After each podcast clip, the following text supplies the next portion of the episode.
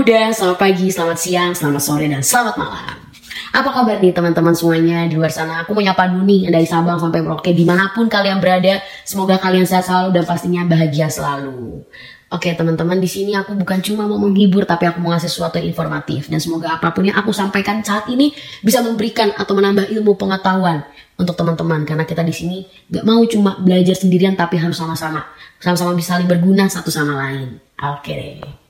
Oh iya aku lupa sebelum kita memasuki perbincangan yang sangat serius kali dulu nih teman-teman karena di sini ya aku ada Anya dan aku akan berbincang langsung dengan kaula muda di luar sana. Asik. Ya, teman-teman, jadi tema kali ini yang mau aku bawain adalah jeng jeng belajar bahasa Indonesia dari Instagram Pak Jokowi. Oke, Bapak Jokowi pasti kalian semua tahu kan, beliau adalah orang nomor satu di Indonesia karena beliau adalah Bapak Presiden Republik Indonesia saat ini. Aku yakin banget nih, pasti kalau muda di luar sana udah dong nge-follow akun Instagramnya Pak Jokowi. Ya setidaknya kalau belum follow udah dong pernah nge akun beliau. Kalau belum pernah sama sekali, eh cepet buruan kalian bisa langsung follow atau searching di Instagram akun Pak Jokowi di @jokowi. Ngomong-ngomong akun Instagram Pak Jokowi, aku punya fun fact nih guys. Kalau ternyata akun Pak Jokowi bukan beliau sendiri loh yang menggunakan atau mengelolanya. Melainkan ada tim yang membantunya. Tim tersebut bernama Tim Komunikasi Digital Presiden. Secara gini ya guys, Pak Jokowi kan udah sibuk ya harus ngurusin satu Indonesia di mana rakyatnya juga banyak. Jadi kayak nggak ada deh waktu untuk beliau update status sana sini di Instagram. Jadi ada tim sendiri lah yang ngebantu untuk update kegiatan beliau. Oke, kita langsung masuk kali ya teman-teman ke apa sih yang mau dibahas sebenarnya di sini. Oke. Jadi gini, kalau teman-teman perhatikan baik-baik, aku salut banget nih dengan Instagram Pak Jokowi. Jadi di akun Instagramnya beliau penggunaan bahasa Indonesia yang baik dan benar itu sangat diperhatikan. Hal tersebut pastinya meliputi peletakan tanda baca, penulisan kosakata, dan lain sebagainya. Mungkin semacam kebahasan ini terdengar simple ya guys, tapi ini tuh bener-bener kayak sering banget kita mengabaikannya. Ya walaupun kita sebenarnya udah pernah mendapatkan pembelajaran dasar ini di sekolah.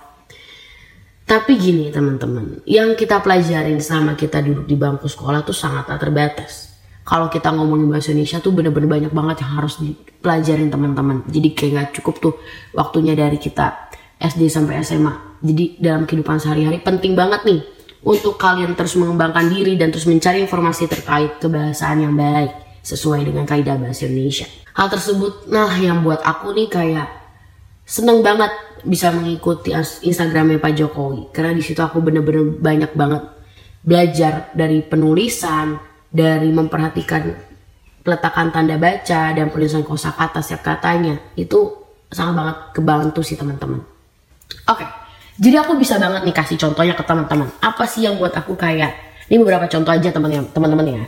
Jadi ini benar-benar buat aku ini kelihatannya simpel, tapi aku tuh banyak banget menemukan penulisan ini di luar Instagram Pak Jokowi kayak salah gitu dan setiap tahun kesalahan itu banyak banget terjadi. Oke, okay. yang pertama gini teman-teman kalau kata teman-teman tahu kata Idul Adha, selama ini kita menemukan tulisan Idul Adha tuh dipisah. Idul dan adanya tuh dikasih spasi. Itu salah teman-teman. Jadi yang benar adalah tulisan Idul Adha itu tidak diberi spasi antara Idul dan adanya. Eh, teman-teman tem lagi nonton berita atau baca berita kata-kata tersebut atau mungkin kalian lagi lihat poster gitu pasti sering kan tulisan itu dipisah dan itu ternyata salah teman-teman. Selanjutnya ada penulisan kata ekstrim. Nah, kata ekstrim itu teman-teman kalau misalnya kita eja sesuai dengan KBBI itu penulisan tepat adalah E K S T R E M. Bukan E K S T R I E M.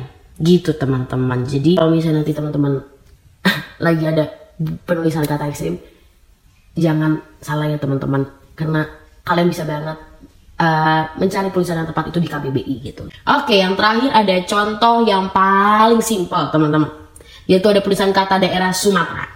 Karena tulisan Sumatera yang benar adalah S U M A T R A, bukan Sumatera ya teman-teman. Atau kalau misalnya kita eja jadi S U M A T R A, bukannya teman-teman itu salah ya. Nah, itu teman-teman beberapa contoh yang bisa aku kasih.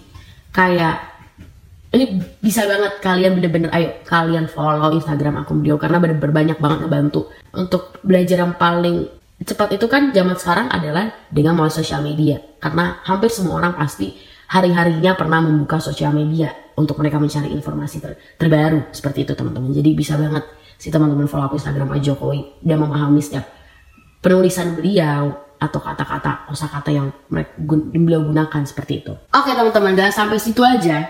Dari akun Instagram Pak Jokowi aku jadi banyak mengetahui kata-kata kiasan yang sebenarnya mampu menggantikan kata yang sebenarnya seperti kata jembatan. Mungkin kata jembatan kalau makna sebenarnya adalah jalan yang direntangkan di atas sungai kalau kalian baca sesuai KBBI. Tapi kalau kata kiasannya jembatan itu bisa mengartikan sebagai penghubung atau perantara seperti itu teman-teman. Gimana teman-teman? Pastinya ini terdengar simple ya, tapi kita sering banget mengabaikannya ya. Dan pada kenyataannya kesalahan-kesalahan tersebut tuh harus kita perhatikan. Karena kalau misalnya terus dibiarkan, akan terulang kembali kesalahan tersebut dan pastinya akan bisa menyebar luas gitu teman-teman. Jadi kita stop untuk menyebarkan sesuatu yang tidak tepat. Sebetulnya teman-teman, tulisan caption atau kata-kata yang ingin kita sampaikan dalam Instagram itu tidak wajib loh hukum yang kita gunakan bahasa formal.